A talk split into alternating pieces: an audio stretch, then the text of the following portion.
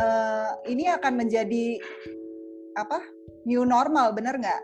Kita semua harus belajar bagaimana bisa tetap berinteraksi melewat uh, social media atau melewat online. Jadi saya juga lagi pelan-pelan mengajarkan teman-teman di komunitas supaya belajar pakai Zoom, nanti bagaimana YouTube dan lain-lain. Jadi, nah hari ini Mas Harto, kita mau bahas ya. tentang apa ini? Ini ada Pau, ada teman-teman yang lainnya. Uh... Mana Pau nggak kelihatan? Pau mana Pau? Pau. Aku juga nggak lihat Mas Arto, Fong cuma empat, empat window doang. Oke, di bagian atas itu ada. Oh digeser, digeser. Ada speaker view. Oh, ada Dokter Sunario. Yes. Hai. Ada Mary. Lala, ya. ada Abe Herawati. Topeng, Yeni, benar? Yes, benar. Jadi ada beberapa yang uh, tidak jadi total partisipan ada 13 nih, tapi ada yang tidak. 13, wow. Helda, ya, halo Helda, halo Cynthia, Ida, Susana, Susiana, Zhang, yes. halo. Yes. Wan Li Ong, hai. Oke. Okay. Ya, kita mulai ya Mas Harto ya. Oke, okay, sip. Oke, okay. okay, kau. Fong mukanya Fong, hmm. mukanya Mas Arto masih belum kelihatan. Oh, mungkin karena belum dipencet kali itu. Di situ ada Kamu oh, ada Halo Cynthia tuh. Oh. Hmm? Uh, speaker ada view. kamera di pencet di speaker view-nya, Pau, di atas. Kan ada nah, full screen. Ini cinta. Hai, hai. Ini namanya cinta. Ah. Cinta. Cinta ini pinter nyanyi kan? Hmm, iya. Iya, suka nyanyi ya. Oke. Okay. Iya. Ada Cinta, Cinta suka sekolah di rumah. Oke, eh, udah, papa, papa dulu ya. Oh, kayak kelihatan nggak Pau? Kelihatan nggak Pau? Ya. Kelihatan Pau? Oh, masih cuma kelihatan empat orang nih. Berarti kamu geser oh, kanan. Dia harus geser. Geser, harus geser, Pau kanan kanan ada kayak arrow kamu geser supaya kelihatan. Kelihatan nggak pak? Seluruh uh, seluruh seluruh screennya digeser. Udah sampai ke titik. Oh tunggu tunggu bentar. Oke. Okay. bisa? Tapi fongnya malah nggak kelihatan. Nggak apa-apa. Ya fong ada di sebelah sana. Yang penting si Mas Atonya kelihatan tuh Iya. Ini ibu-ibu dalam wajah aslinya semua nih ya. Uh, dalam wajah asli. ini nggak pakai, ini kagak pakai. Biasanya kita pasang bulu mata palsu gitu loh, Mas Sarto. nah, anyway, kita ya. ngobrol-ngobrol. Ya. Mas Sarto yes. kan uh, sekarang banyak mengeksplor brand-brand lokal ya, Mas Sarto. Nah, yeah. kita ibu-ibu di sini uh, kan ada sebagian juga kan mungkin ada usaha uh, dari rumah ya ada yang uh, di network marketing ada yang uh, pendidik guru. Nah topiknya bagaimana nih? Kalau seputar brand kan memang semua orang perlu tahu ya Mas Arto ya. Nah kira-kira kalau menurut Mas Arto nih sekarang dengan kondisi seperti ini apa yang kita harus perhatikan atau uh, yang kita harus uh, pelajari lah paling tidak ya karena akan banyak perubahan dari semua sektor gitu kan. Nah kira-kira pandangan Mas Arto seperti apa yang mungkin kita bisa uh, dapat insights dari Mas Arto? Ya, uh, Uh, ya halo semua, apa kabar? Saya Arto Diantoro. Uh, sebenarnya nanti ada dua poin mungkin yang kita harus bahas ya. Yang satu lagi soal yang kemarin kita WA di apa di di telepon karena menurut saya itu lebih menarik. Saya ingin bisa menggali lebih dalam dari uh, teman-teman yang ada di sini. Tapi kalau kembali kepada kondisi yang sudah ada, sebenarnya uh, kita kita harus melihatnya sebenarnya jauh lebih sederhana sih. Uh, dalam arti uh, dunia juga butuh waktu untuk mengejas dirinya. Kalau kita lihat dari sisi positifnya kan sebenarnya kita punya banyak waktu di rumah. Kita kemudian punya banyak waktu untuk uh, bisa melihat ulang apa yang sudah kita lakukan beberapa tahun terakhir. Um, jadi saya percaya bahwa di setiap masalah uh, selalu ada poin positif yang sebenarnya kita bisa temukan. Saya kemarin baru ketemu dengan beberapa teman yang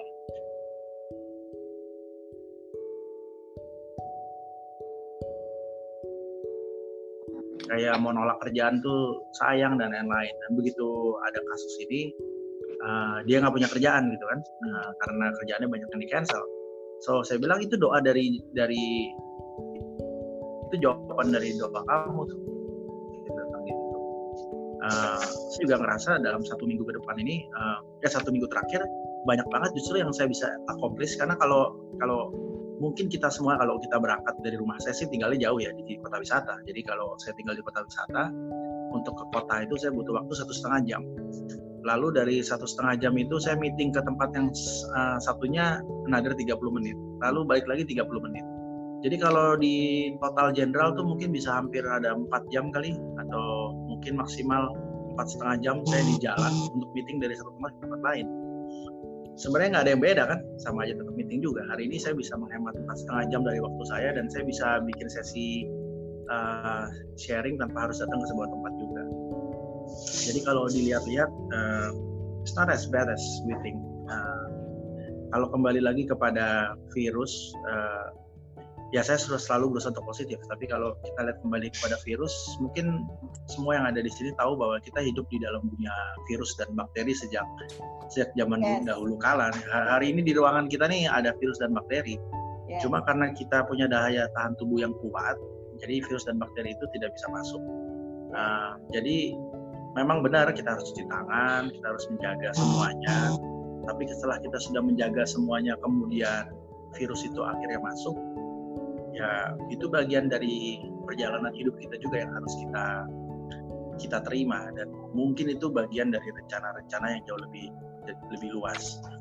Nah, kenapa saya bilang begitu? Karena dalam 20 tahun terakhir saya berjalan sebagai seorang brand aktivis. Karena brand aktivis itu kerjanya ketemu dengan banyak orang. Dari hampir semuanya sih kebanyakan pemimpi semua kayak yang ada di Kids Mom ini.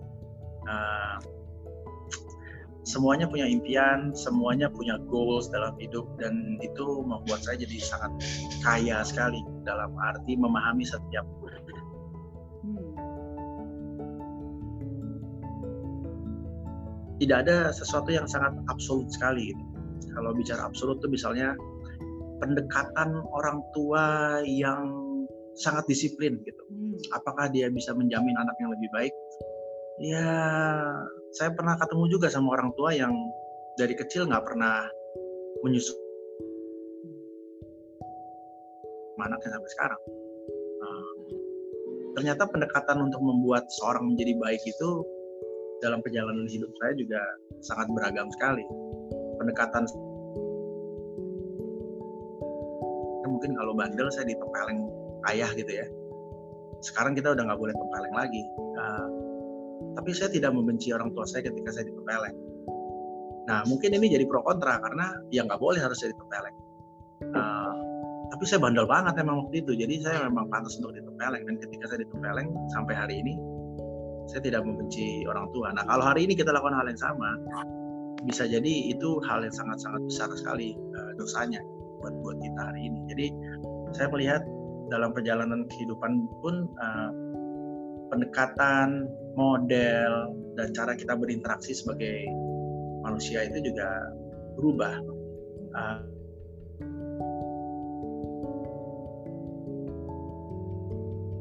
nah, kalau kalau kita bilang uh, oh anak zaman sekarang sukanya main WA gitu ya.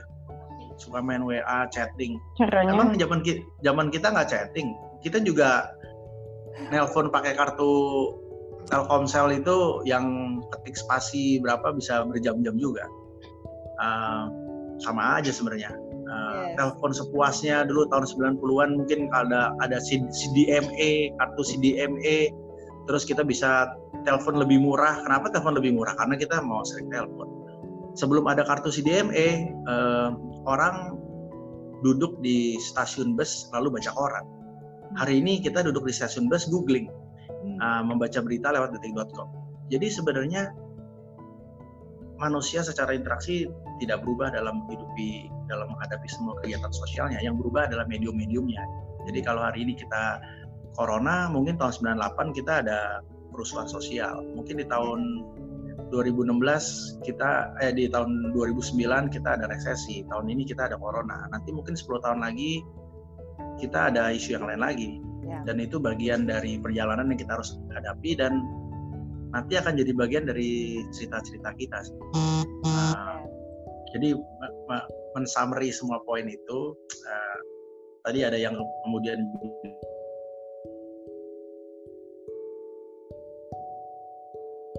untuk menemukan uh, jalannya masing-masing ya. Betul. Jadi betul. Uh, saya mencoba menikmati itu sih.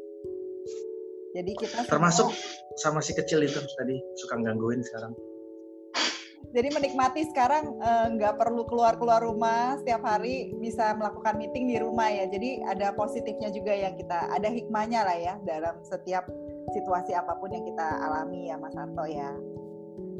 Iya, iya dan dan dan ternyata uh, nggak tahu ini nggak mungkin nggak semuanya uh, Christian kali ya, tapi saya pernah baca satu satu phrase yang tentang uh, apa anak orang kaya yang kemudian sudah melakukan semuanya terus dia bilang lalu saya mesti ngelakuin apa lagi? Terus Tuhan bilang e, ya tinggalkan semuanya dan ikuti aku. Terus dia bilang wah yang ini agak berat nih kalau harus harus aku ikuti aku. Jadi uh, mungkin sama sama kita nih. Ini sekarang konteksnya benar-benar dites uh, ya udahlah kalau nggak nggak dapat project uh, sekarang karena ini harus ninggalin kesempatan segala macam dan santai di rumah itu kita bisa sih bisa nggak sih ngebuang-buang semua potensi itu? Dan jawabannya ya bisa bisa aja sih.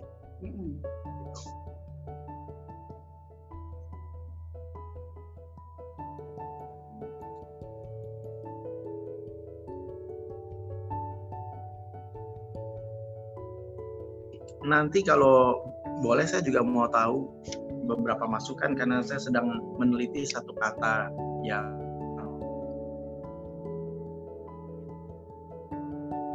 menarik sekali. Uh, Mas Sarto, koneksinya tadi terputus. Jadi uh, Mas Sarto ada yang ingin tadi keputus.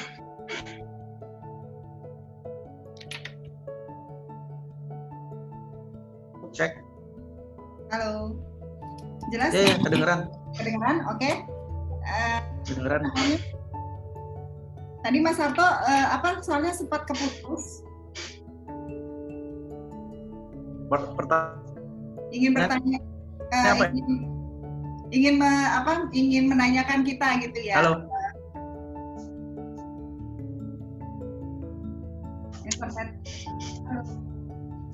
halo oke okay.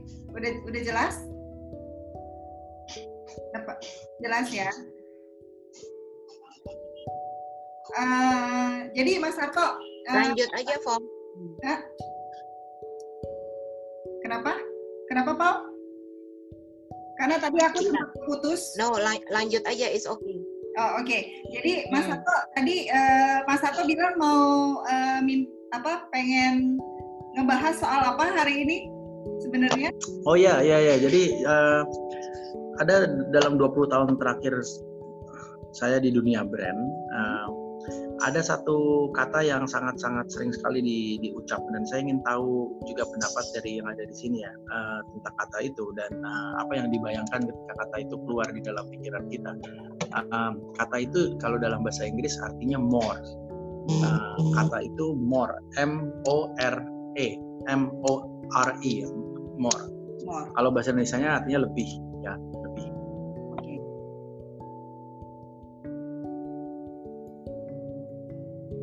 begitu hmm. kita dengar kata lebih apa sih yang ada di bayangan kita karena saya uh, sangat tertarik dengan kata ini dan kata ini justru bisa punya makna yang sangat sangat luas sekali ketika kita masuk ke kata more. Nah, mungkin ada yang mau share dulu mungkin dari siapa pun begitu dengar kata more, what, what is come out in your mind? Uh, saya share dulu ya. kalau kalau saya um, more itu saya lihat sisi positifnya begitu saya dengar kata more karena uh, dulu saya itu orangnya uh, tidak mau melakukan hal menambah effort. Sehingga kalau sekarang setiap hari yang saya bilang kepada diri saya itu saya harus berusaha lebih banyak. Jadi saya harus put in more effort Uh, misalnya sabar, saya harus lebih sabar. Jadi uh, saya memang sering memakai kata-kata more ini dalam setiap hal yang saya lakukan sih.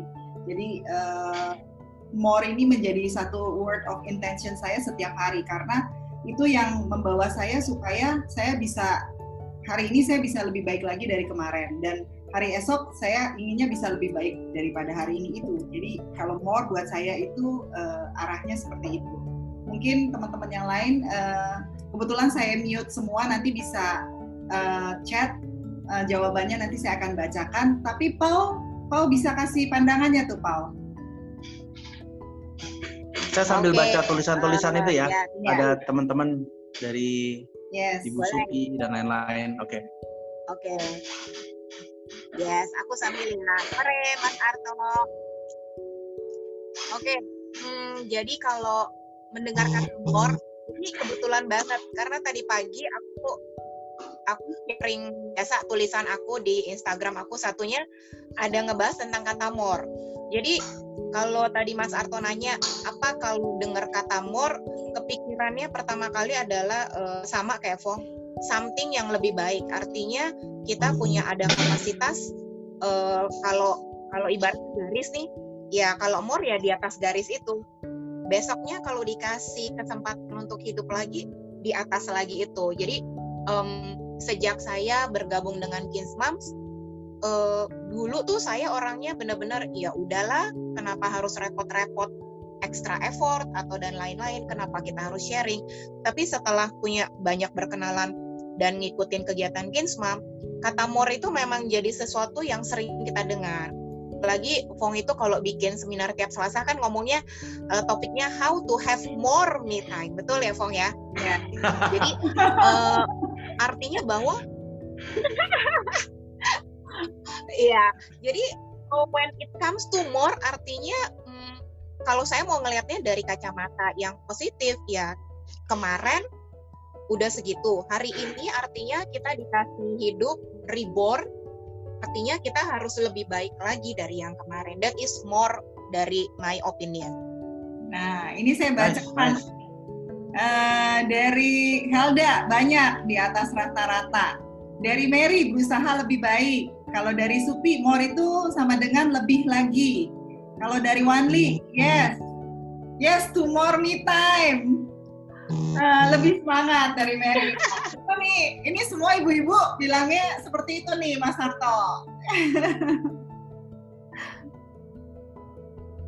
Jawaban yang sangat normal sekali, karena tidak ada di antara kita akan jawab more untuk sesuatu yang negatif ya. Misalnya lebih jahat, lebih egois, nggak mungkin karena kita akan jawab itu.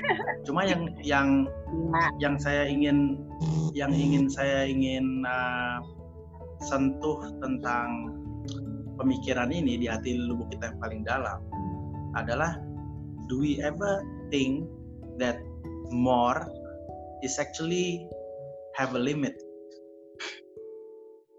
Oke. Okay karena inisiatif more yang kita mulai pasti selalu baik karena kita datang dari latar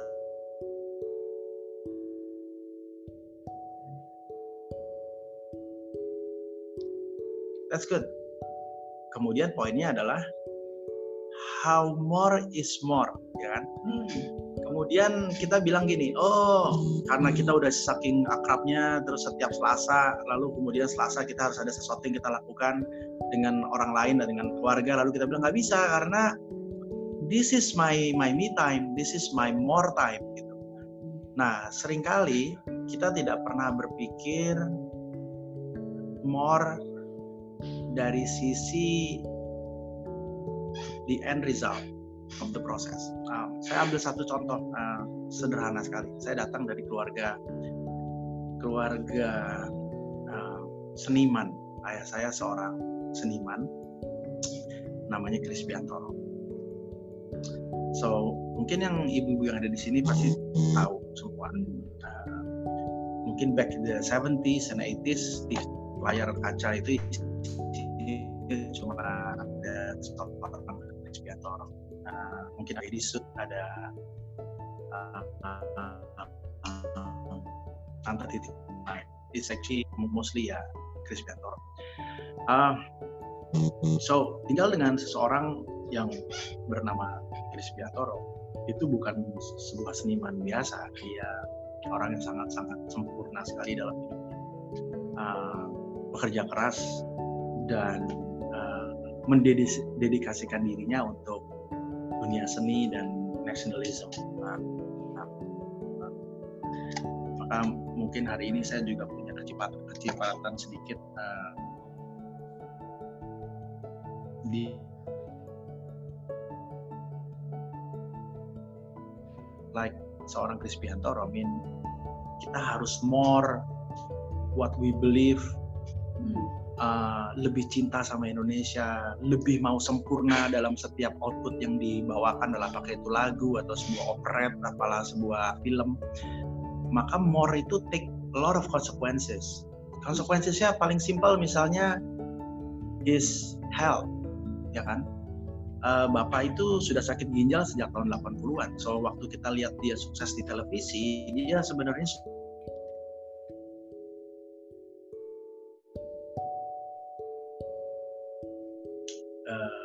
dia tetap seorang seniman.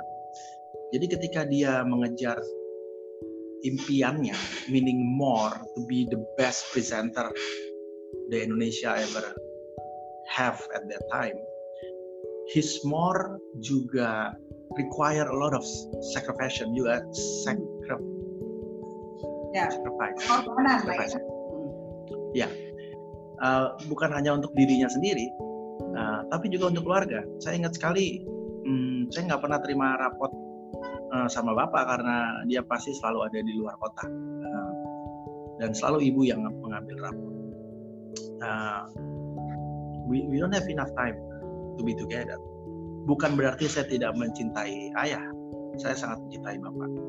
Bapak itu khusus di bulan Juni dan Juli dia selalu menghilangkan jadwalnya yang padat di, berbagai acara untuk pergi sama kita naik mobil ke Bali atau ke berbagai kota di, di Pulau Jawa untuk bersyukur. That's the only time uh, he had for us every year uh, during his lifetime. Selama saya dari SD SMP sampai SMA so kita bicara spend 7 tahun sampai 17 tahun kali ya 18 tahun.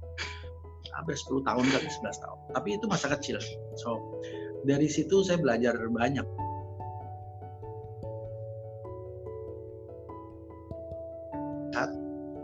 More itu more yang dia mau adalah bagian dari uh, resiko yang kita ambil atau kalau kita mau tarik itu dalam bahasa yang lebih negatif uh, uh, nasib atau ya apa ya istilahnya uh, ada kata yang lebih oke okay nggak ya menyampaikannya? Uh, adalah uh, ya jalan kehidupan kita yang harus kita pilih ketika kita menjadi anak seorang seniman seperti Desbiantoro karena he's more same thing his more require a lot of sacrifice from his kan faktor yang sama ketika saya mendampingi banyak sekali anak-anak muda yang mau jadi entrepreneur. Ketika anak-anak muda ini ingin menjadi seorang entrepreneur nah karena saya entrepreneur menjadi sesuatu yang sangat sangat menarik dan mungkin anak-anak kita nanti one day akan jadi entrepreneur dia tidak mau bekerja sama orang. Kayak contohnya Pau itu udah nggak mau jadi nggak mau kerja sama orang lagi udah jadi entrepreneur. Uh, ada adalah uh, they always wanna have more success in life more success mean more money hmm. more money mean more time yeah. more time means less time for you and your family. Yeah, that's true. Saya punya teman-teman yang di dunia di dunia entrepreneur yang selalu bilang begini, uh, dan dia ngomong ini sangat sangat apa? Sangat uh, sangat belak-belakan sama istrinya. Nomor satu hidup saya adalah pekerjaan saya ya. Family is number two. To me, everything is a circle on work and the family is number two. Ini ada teman-teman saya yang udah ngomong kayak begitu keluarga dan keluarganya bisa terima. So mereka bukan tipe keluarga yang pecah atau enggak, keluarganya jadi terima aja. Oh ya nanti ini kan sama dengan presiden juga sama. Presiden udah nggak bisa bilang hidup saya adalah untuk keluarga, dia akan bilang hidup saya untuk rakyat Indonesia. So even in my case gitu, kalau saya bilang hidup saya untuk brand-brand lokal, artinya saya selalu harus melihat the bigger pictures, which is more making an impact is actually is a, a sacrifice from our side juga kan. Uh, teman-teman yang di dunia entrepreneur mungkin suami istri kita yang bekerja pasti akan merasa kerja sendiri itu jauh lebih melelahkan daripada kerja sama orang. Karena we don't have time untuk bilang bahwa jam kantornya nggak ada. Jam 12 ya kerja jam 7 pagi ya udah kerja jam 8 pagi kerja.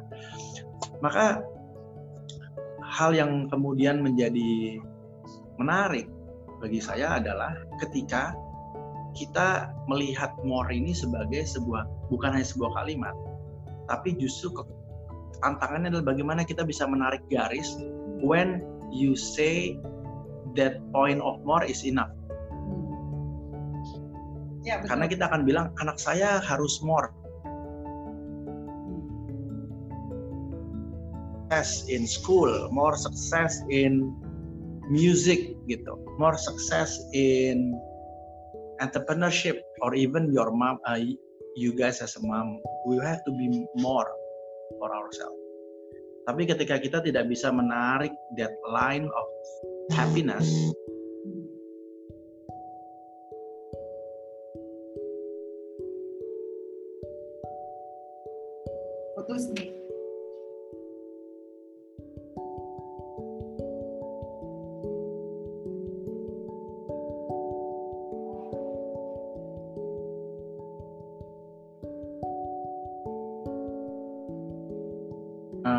karena saya ada di dunia entrepreneur dan mungkin ini juga bisa di di apa di share juga ada satu buku keren yang judulnya adalah The Army of One. The Army of One ada atau seseorang lagi yang menulis buku judulnya namanya Seth Godin uh, Small is the New Big gitu. Small is the New Big. Poinnya adalah bahwa there's there's more than chasing the profit. There is more than chasing the success. Uh, kita itu harus bisa ngelimit dan men-set diri kita itu di titik di mana kita harus mampu untuk bisa mengukur kebahagiaan itu dari awal. Hmm. Jadi kalau 20 miliar itu adalah the number yang oke okay, gitu. Dan let's chase 20 miliar itu dalam hidup kita dan once we get 20 miliar ya we stop. Uh, kenyataannya nggak nggak mudah untuk orang mau berhenti di angka 20 miliar karena begitu kita udah yeah. di 18 miliar kita akan bilang bahwa uh, well kita bisa nih 30 miliar gitu. Yeah. So saya ketemu sama Pak Hari Darmawan. Hari Darmawan adalah founder dari Matahari. Nah saya beruntung sekali bisa ketemu one on one Pak Hari. Pak Hari bilang begini Arto, I start my life in 1980. Saya punya toko kecil di Pasar Baru namanya Mickey Mouse dan saya jualan kain pada waktu itu di pasar baru di, di toko namanya Mickey Mouse. Lalu later kita ganti namanya jadi Matahari. Dan yeah. Ya. uh, saya ingat sekali target kita waktu itu 100 juta rupiah untuk perusahaan kami. Lalu uh, uh, kami kejarlah 100 juta itu. Dan kami dapat 100 juta. Tahun berikutnya kami naikkan targetnya menjadi 500 juta dan kami berhasil dapat 500 juta. Tahun berikutnya kami naikkan lagi menjadi 1M dan kami dapat 1M. Waktu berjalan, ketika saya sudah membuka mata saya, saya sadar bahwa saya seperti seekor squirrel. Squirrel itu apa ya? Tupai. Uh, tupai. Tupai. I was just I was just go running chasing the target, but I never know when it stop. So by the time I realize, I open my eyes, dia bilang, I'm 70 years old gitu kan terus uh, my family live in Singapore. I live in Jakarta. Um, one have a issue in apa one is apa. And um, I just realized that I still have to do more gitu. But I sacrifice a lot of thing in my life. So mungkin poin yang ingin saya sampaikan ke teman-teman adalah uh, uh, sebagai seorang pendamping seorang istri seorang uh, seorang ibu seorang sahabat seorang kakak adik uh, untuk orang lain. Uh, kita really harus consider uh, that word apa really well. Karena kalau tidak kita akan bisa membawa orang-orang yang kita cintai sebenarnya masuk ke dalam hal-hal yang pada akhirnya dia tidak akan bisa menemukan ujungnya. Gitu. Ketika kita punya seorang anak dan anak kita bilang I wanna be an entrepreneur I wanna be a doctor gitu terus kita bilang oke okay, uh, then go more chase more gitu uh, be the best you can be gitu at that point of time kita sudah realize we going to sacrifice a lot of things to chase that Nah kalau kita dan at the end of the day, like maybe kalau bicara pensiun kali 70 tahun gitu ya, dan kita look ke belakang, make sure it's worth it.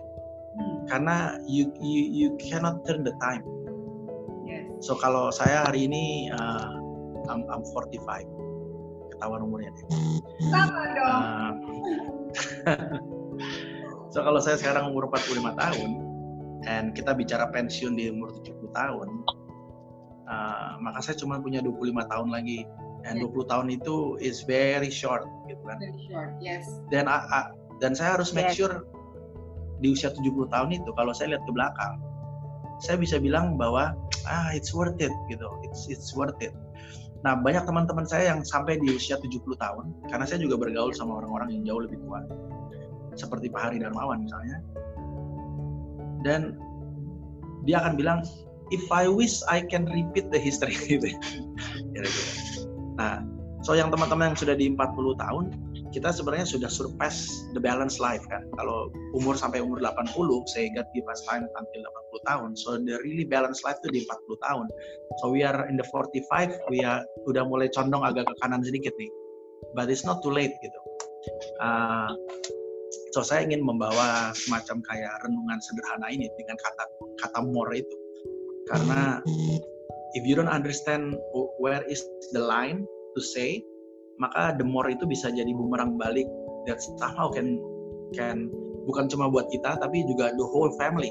Imagine kita punya anak, istri dan yes. kita selalu menanamkan konsep more tadi itu ke anak-anak kita. Kamu harus bisa lebih baik dari papa misalnya. Kamu harus lebih baik dari mama. Nah, uh, it's very simple word tapi it's very easy to justify juga karena lebih baik dari papa. Artinya sekarang papa punya punya pabrik satu aku harus punya dua pabrik. Kira-kira gitu ya. You have to be more kan? Uh, but jangan salah membangun pabrik satu zamannya papa sama membangun pabrik dua zamannya kita atau zamannya dia jauh lebih sulit karena pabriknya nggak ada di sekitar Jakarta karena lahan udah terlalu mahal dia harus pindah ke tempat lain.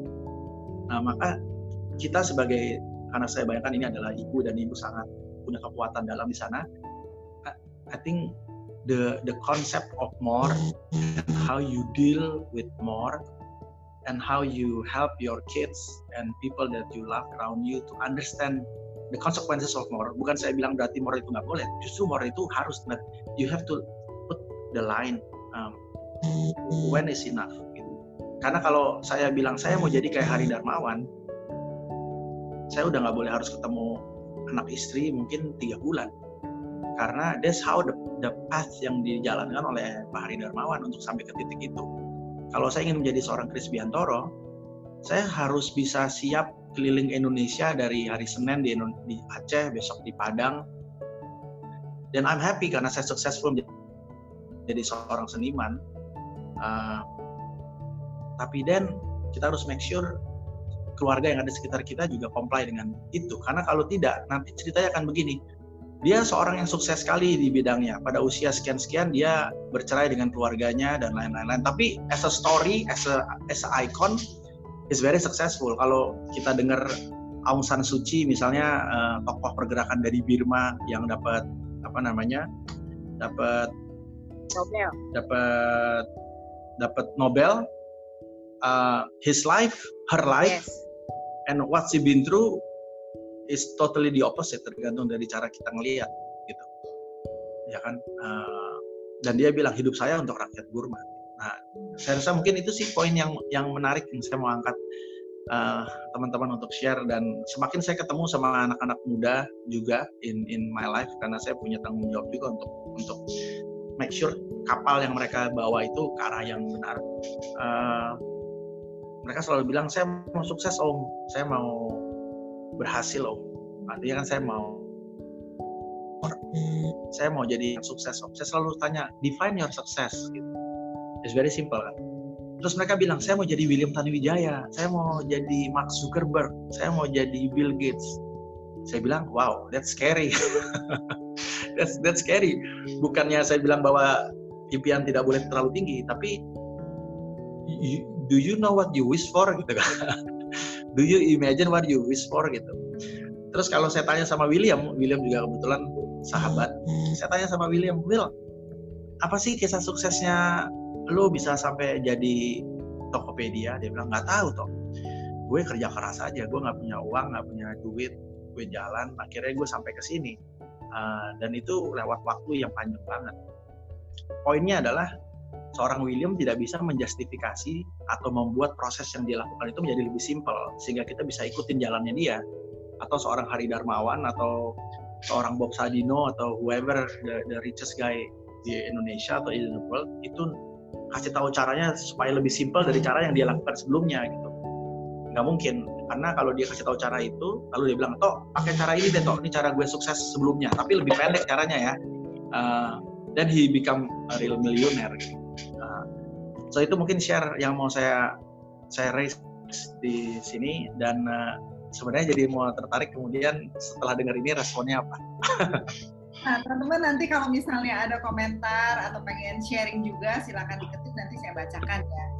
Nah, tadi uh, Mas Harto uh, satu sudut pandang yang sangat uh, apa uh, bagus sekali ya renungan sederhana ini karena memang kadang-kadang uh, kita itu tidak tahu level expectationnya kita itu akan mempengaruhi apa sebagai imam.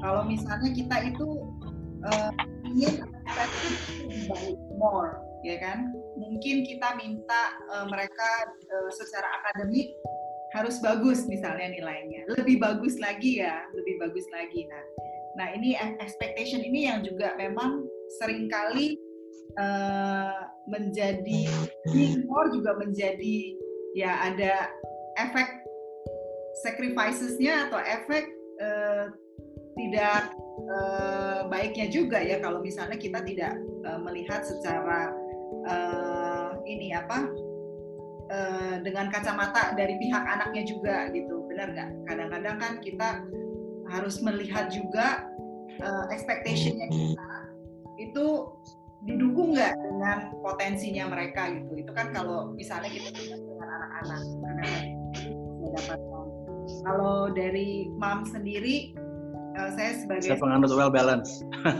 ya, kalau saya mungkin tadi Mas Harto juga bilang kalau kita ya kebetulan uh, sudah lewat 40 tahun itu memang kayak rasanya kita mulai menimbang-nimbang banyak hal. Nah itu makanya saya dalam 2-3 tahun terakhir ini saya mulai melihat uh, apa yang menjadi uh, penting untuk saya jalankan, untuk mengisi waktu-waktu saya.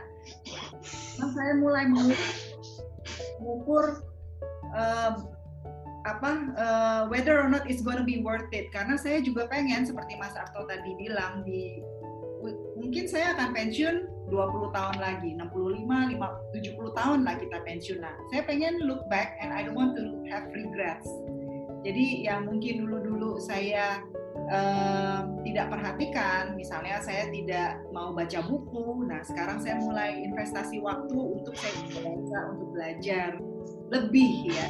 Dan artinya kalau dulu saya menggunakan more itu more success, more money. Tapi kalau sekarang saya mengejar more itu more quality time uh, apa uh, more meaningful uh, days ya more friends gitu. Jadi kalau dulu saya tidak punya banyak teman uh, dan saya hanya fokus pada kerja kerja kalau sekarang saya lebih ingin uh, hidup saya itu lebih more balance mau bisa share ini sambil saya lihat teman-teman yang lainnya oke. Hmm, Mas Tarto uh, hmm. tadi tadi mendengar cerita si bapak. Saya saya kebetulan salah satu orang yang um, saya mau cerita oh, yeah. sedikit ya. You're very Pernah, lucky. Ya saya saya termasuk uh, salah satu orang yang cukup beruntung uh, pernah di digembleng langsung oleh oleh uh, Om Kris kita manggilnya Om Kris dulu jadi waktu saya pernah sharing sama teman-teman Kinsmam itu aku gara-gara tadi Mas Arto cerita aku jadi keinget masa-masa aku di tanda kutip digembleng oleh seorang Biantoro. So uh, back waktu di tahun itu aku kan wedding organizer. Iya, yeah, jangan. And then aku tak my boss uh, yang memperkenalkan aku dengan Om Kris. So ada klien yang memang mau pakai jasa Om Kris untuk MC wedding. So I thought, oke, okay, ini bos bilang uh, aku harus bawa klienku ini ke rumah Om Kris untuk first meeting. Udah, aku lupa uh, waktu itu my boss itu namanya Budiani itu dampingin aku atau enggak, aku lupa ada beberapa kali.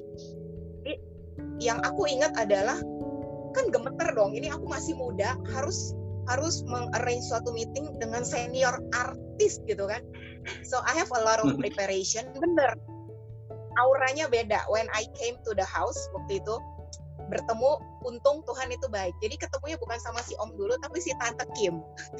Uh, dan itu benar-benar uh, itu ya apa opening yang sangat menenangkan. Dia bilang oh oke okay, ini anak buahnya Diani ya begitu gitu begitu si Om datang ya keluar dari kamar auranya itu langsung terlihat. Dan um, dan aku belajar tentang tadi gara-gara Mas Arto ngomong tentang seorang apalagi aku nggak kebayang ya uh, menjadi seorang anak dari Om Kris Biantoro itu seperti apa gitu rasanya.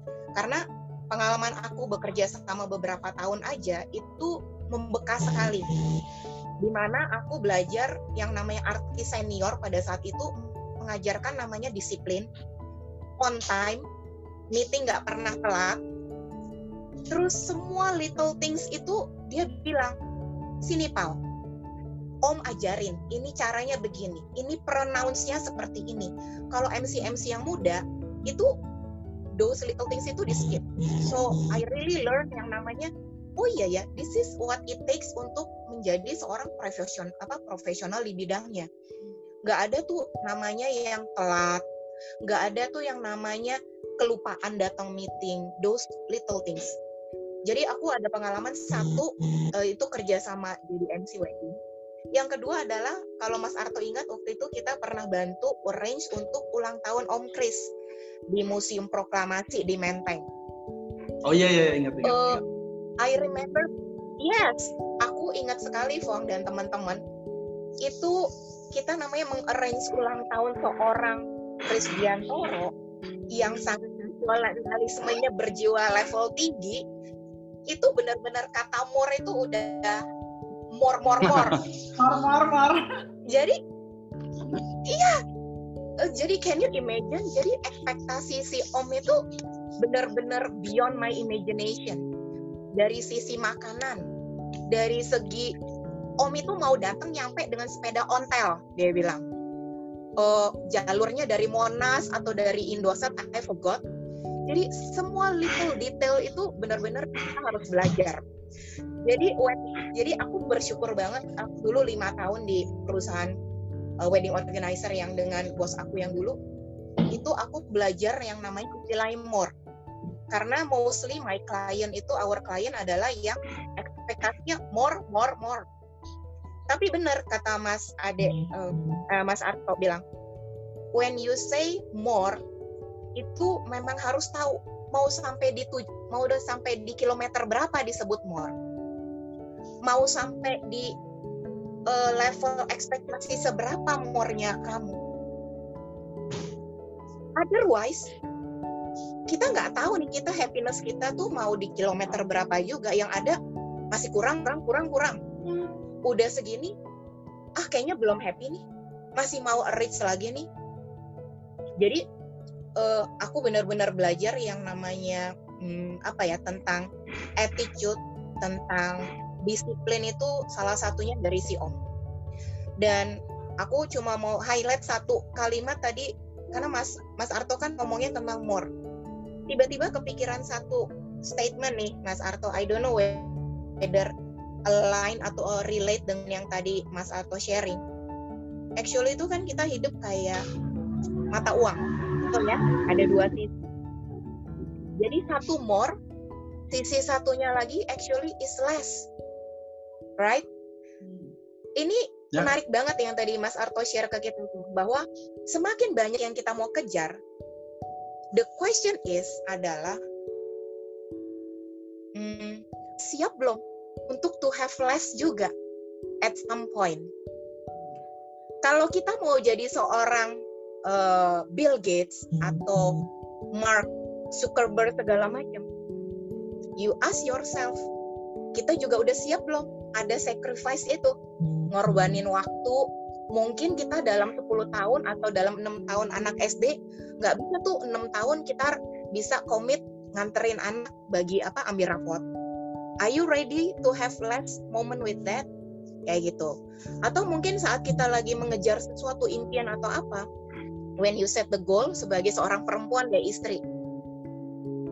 When you have more kita udah siap belum? Udah diskusi nggak sama pasangan hidup kita? Bahwa eh akan ada banyak waktu berkurang kalau at some point dalam proses kita melakukan simor ini? Itu aja sih dari aku.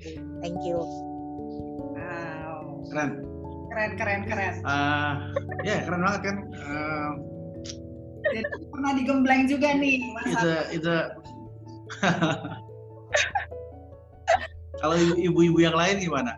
Ibu-ibu yang lain ada yang mau sharing? Uh, Supi mungkin saya uh, unmute ya. Supi kalau mau sharing uh, sebentar. Oke okay. uh, saya sudah unmute Supi okay. Ya, ya thank you waktunya. Yeah. Ya. Uh, yang kepikiran adalah mungkin saya dulu banyak melakukan more. more-nya dalam arti kurang balance ya, kurang balance untuk uh, keluarga gitu ya. Walaupun saya berusaha uh, apa namanya menyeimbangkan, tapi itu nggak akan pernah bisa yang ketemunya seimbang. Jadi pernah saya ketemu sama seorang coach, dia pernah bilang gitu loh kita suka bilang pengen ada well balance well balance. Ya saya pengen well balance gitu tapi sebenarnya itu kita nggak akan mungkin loh uh, balance. Karena kalau balance itu kan seolah-olah seperti kita ada timbangan pasti ada selalu kita harus seimbangin ada yang berat sebelah gitu itu akan selalu uh, nggak pernah persis di tengah-tengah dan itu dapat mencapai titik balance itu.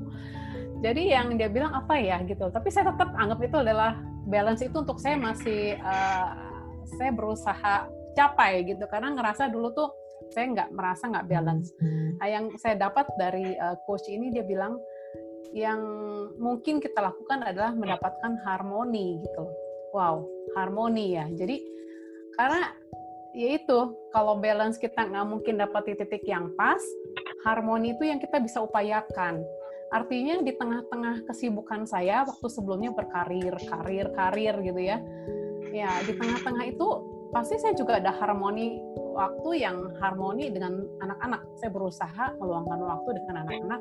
Saya berusaha uh, punya liburan yang uh, quality dengan anak-anak, sehingga untuk menebus masa-masa yang saya merasa uh, balance saya terlalu berat di uh, karir misalkan.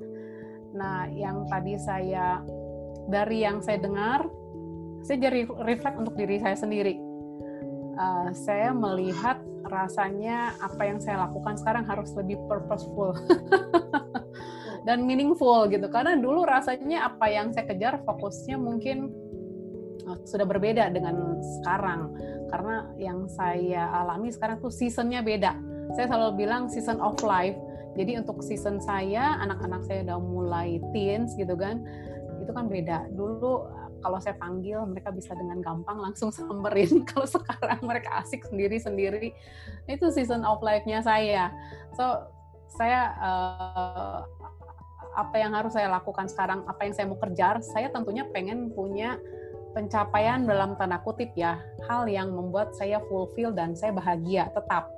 Uh, kalau enggak rasanya kita bisa apa ya uh, enggak happy gitu kan rasanya ada yang kurang dan itu nggak memenuhi uh, satisfaction-nya diri kita sendiri. Nah, pada saat saya mau mengejar untuk kepuasan diri saya sendiri dalam tanda kutip tentu saya juga harus memenuhi kebutuhan anggota keluarga yang lain. Nah, dalam hal ini yang saya lakukan lebih purposeful dan ada meaningful. Jadi semua kegiatan yang saya pilih itu benar-benar harus lebih selektif. Nggak bisa apa namanya, nggak, karena waktunya lebih terbatas.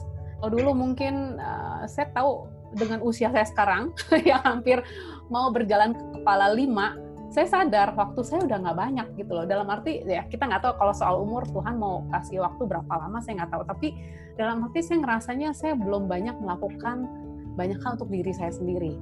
Jadi pada saat saya memilih aktivitas, memilih melakukan sesuatu, saya betul-betul harus selektif karena resourcesnya tuh nggak seperti dulu gitu. Jadi betul-betul harus lebih selektif. Jadi apa yang saya lakukan, pastikan itu ada purpose-nya ada ya lebih berkualitas dan juga lebih meaningful. Jadi pada saya, saya mengerjakan itu jadi nggak ada satu kesia-siaan lah. Saya merasa ini saya worth it untuk saya kejar. Ini worth it untuk saya lakukan. Saya worth it uh, untuk mesisihkan waktu saya, mesisihkan effort saya karena ya itu tadi purpose dan meaningfulnya itu saya dapat dari uh, untuk bisa memenuhi apa yang ingin saya capai. Itu sih. Ya. mungkin belum tentu di materi atau apa ya atau mungkin saya ngerasanya pengen apa yang membuat saya puas melakukannya dan itu berarti buat saya. Kalau ke depannya tiba-tiba uh, materinya berlimpah, tiba-tiba menambah itu uh, bonus gitu kan. Setiap orang juga pasti mau bonus-bonusnya juga gitu ya. To be honest seperti itu. Tapi ya yang saya kejar sekarang adalah ya purpose-nya dulu deh gitu loh. Kalau saya ngerasa itu fulfill, saya lebih puas, saya ngerasa apa ya rasanya udah terserah orang lain mau gimana saya ngerasa puas dengan apa yang sudah saya capai gitu kan jadi saya nggak akan bisa nggak nggak pernah akan banding banding lagi kalau dulu zamannya kerja ya karir kan pasti kan gila dia udah pengkat duluan wah dia udah udah udah apa udah udah levelnya udah begini ya gue begini begini aja. Kan kalau waktu karir kan selalu tangga tuh kan selalu susul susulan saya pengen begini saya begini. Jadi apa ya itu fokusnya seperti itu. Mungkin dengan musimnya saya sekarang saya punya purpose yang berbeda. Jadi saya nggak lihat lagi orang seperti apa. Saya melihatnya diri saya apakah saya merasa uh, happy nggak dengan pencapaian saya pribadi gitu kan. Jadi yang jadi saya perbandingan adalah diri saya sendiri gitu loh saya mengukur diri saya sendiri gitu. Itu sih ya. sharing nah, saya. valid valid point. Tadi yang yang menarik um, dari Pau sama uh, Sophie sebenarnya adalah um, the proses dari pemikiran itu terjadi setelah kita masuk di usia 40 ya. Artinya by nature kita akhirnya mulai terpikir untuk mulai masuk ke dalam pemikiran seperti itu. Uh, Popeng misalnya belajar dengan the, the art of more, lalu then we realize by the time we are getting older bahwa life is about having a a, a purpose gitu, seperti yang sudah bilang. Nah, so the challenge adalah bagaimana kalau mindset itu itu disampaikan oleh seseorang yang masih di usia 20 tahun. So, bagaimana caranya?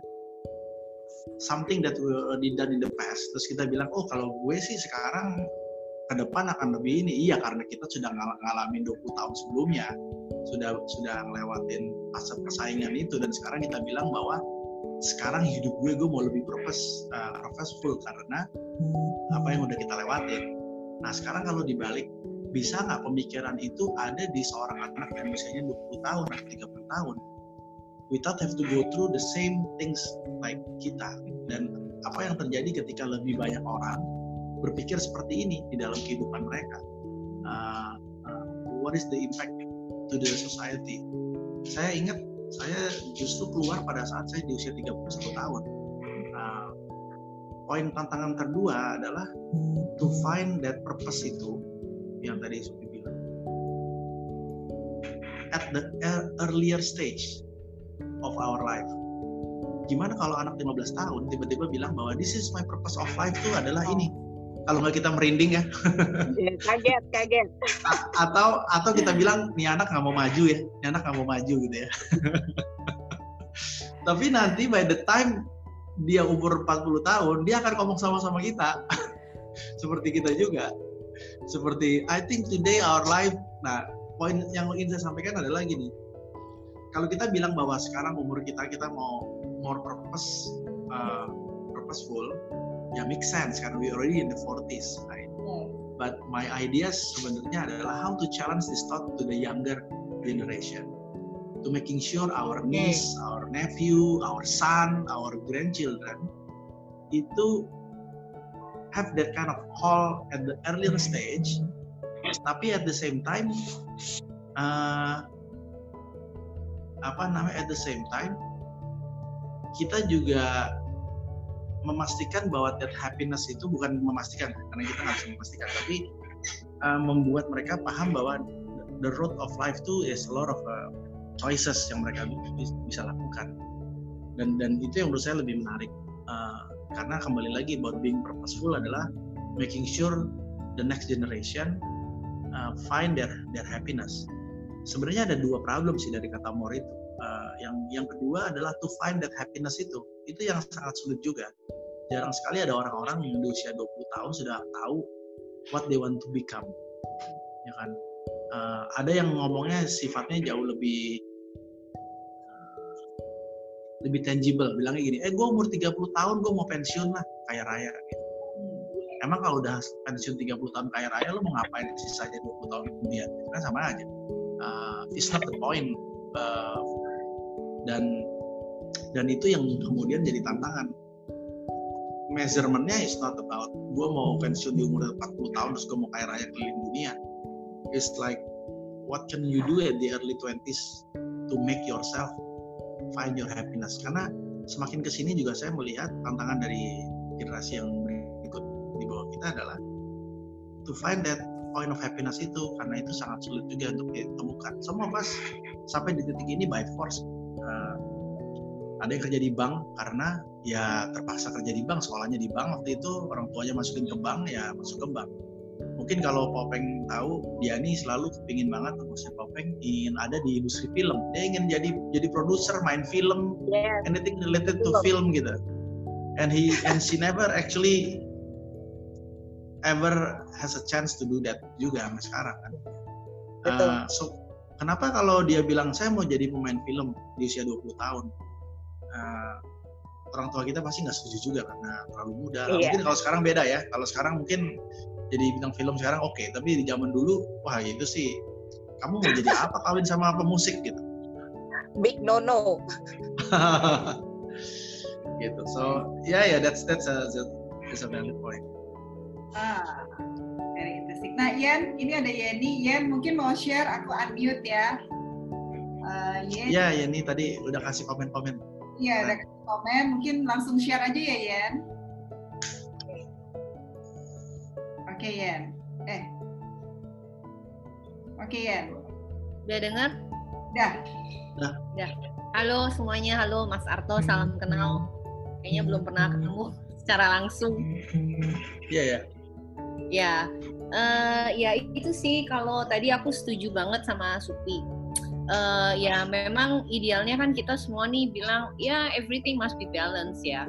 Uh, ya segala-galanya moto hidup kita tuh balance. Tapi untuk mencapai titik balance itu ya benar ada yang ada yang harus lebih banyak dan ada yang harus lebih dikit agar supaya balance.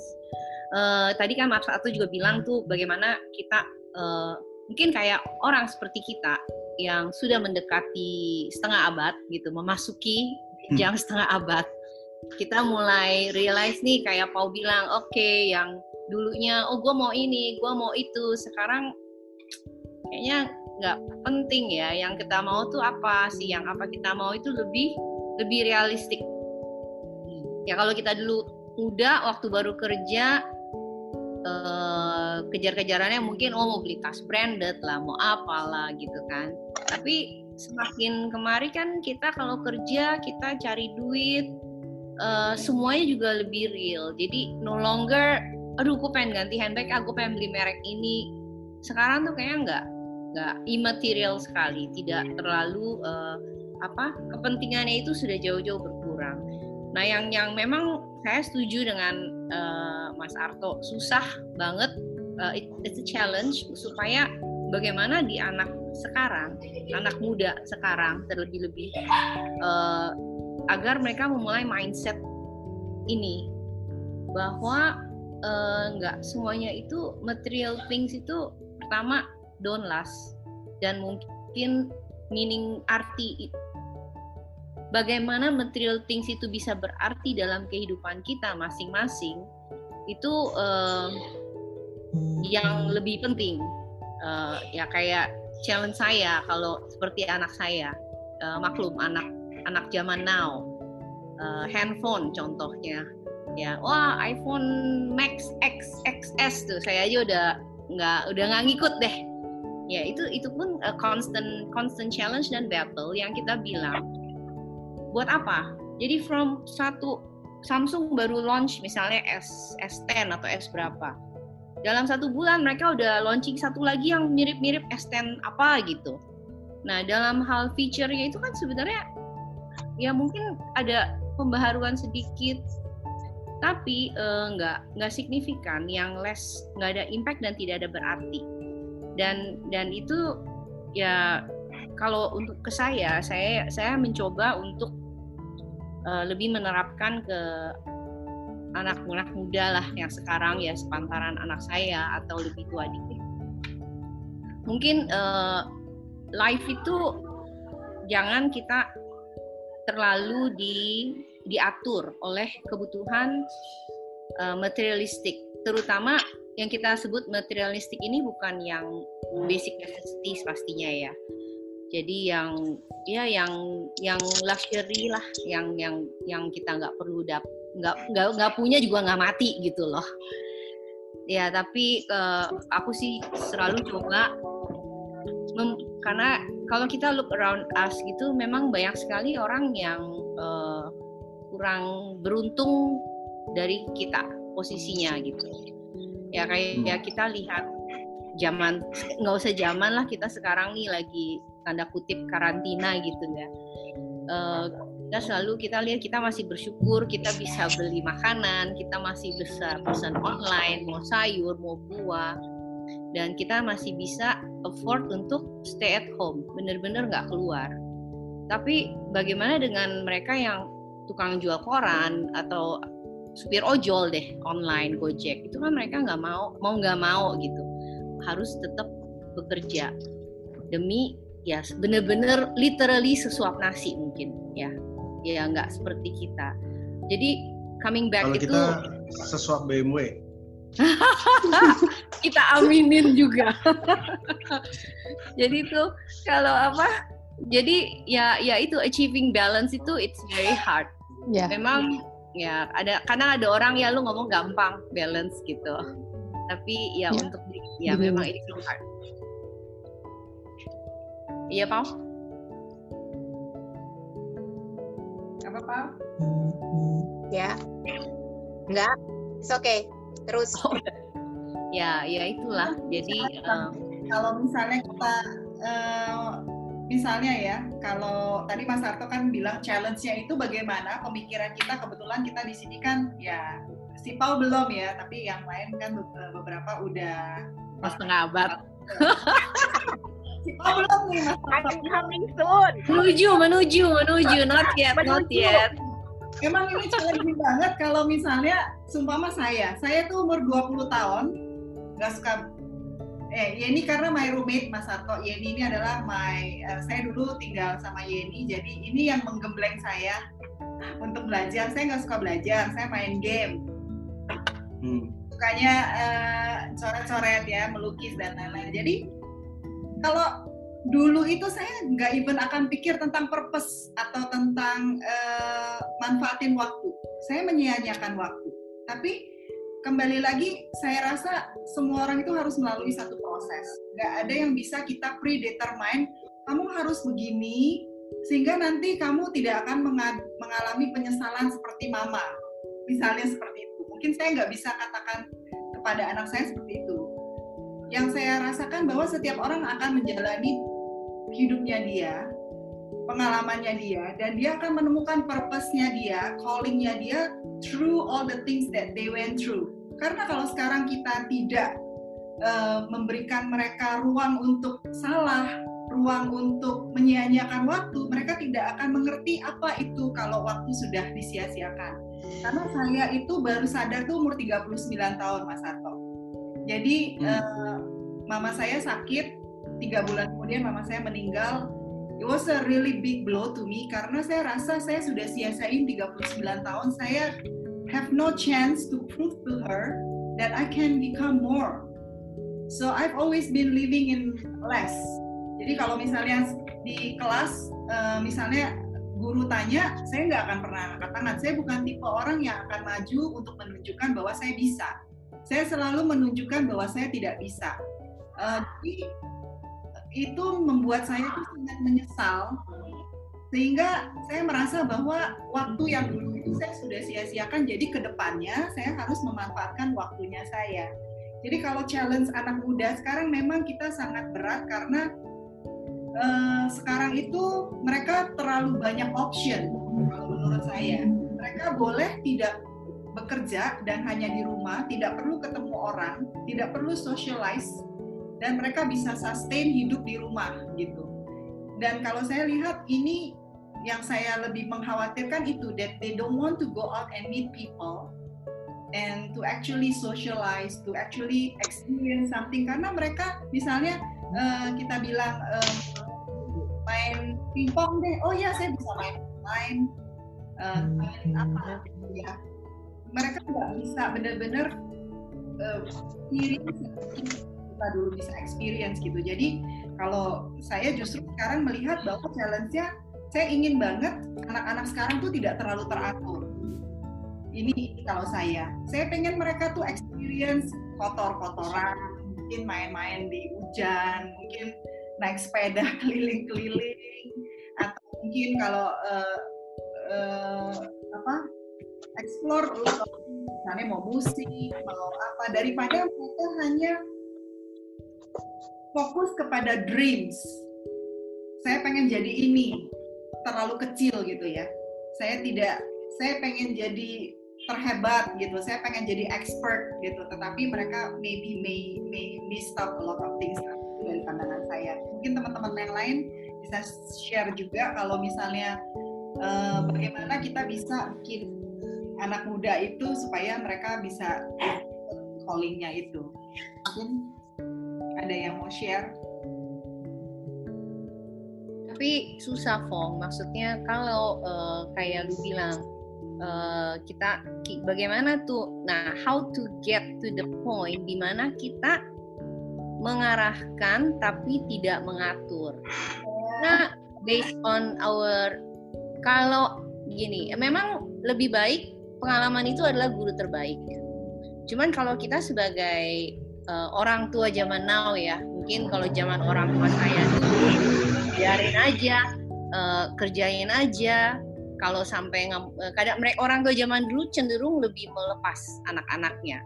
Uh, karena mungkin mereka kan kalau nggak mereka punya usaha sendiri kita banyak kan di, dijaga tuh oleh paneni ya zaman dulu mbak gendok-gendok kita nyebutnya tuh yang ini kalau zaman sekarang kita kan sebagai orang tua kita kan lebih hands on. Uh, semua banyak kita yang ngurus. Jadi kalau kalau kita mau kadang tuh itu dilema yang besar buat kita orang tua bahwa ya udah biarin aja biar dia tahu rasa biar ngerasain gitu. Tapi on the other hand gitu susah ya maksudnya aduh gila loh masa masa kita biarin di orang kejerumus dulu gitu sedangkan kita kan uh, kita in the position untuk bisa uh, warning mereka gitu. Ya ya itu it, it's a battle every day. Sebenarnya sih. ya. Ya ya. Make sense. Dan sebenarnya once we understand that kita merasa bahwa kita masih terlalu muda untuk tidak melakukan apa-apa. Nah, ya. Karena karena dan uh, apa namanya uh, itu menjadi penting ketika kemudian 8 orang atau 9 orang atau 10 orang yang melihat ini lalu menyampaikan pesan itu kepada uh, generasi berikutnya anak kita dan mereka kemudian melakukan hal-hal yang jauh lebih advance dari apa yang kita lakukan sekarang gitu hmm. dan bisa jadi mereka menjadi sangat berbeda di antara teman-temannya gitu kan. Ketika kita punya anak umur 22 tahun yang bilang bahwa udah mah aku nggak mau pakai handphone yang baru pakai yang lama aja kenapa emang? Kita bisa jadi kita yang bilang kamu kok aneh? gitu. Iya betul. Teman-temanmu ganti gitu kan, kamu kok nggak mau Iya. ganti? Uh, nggak usah ganti gitu ya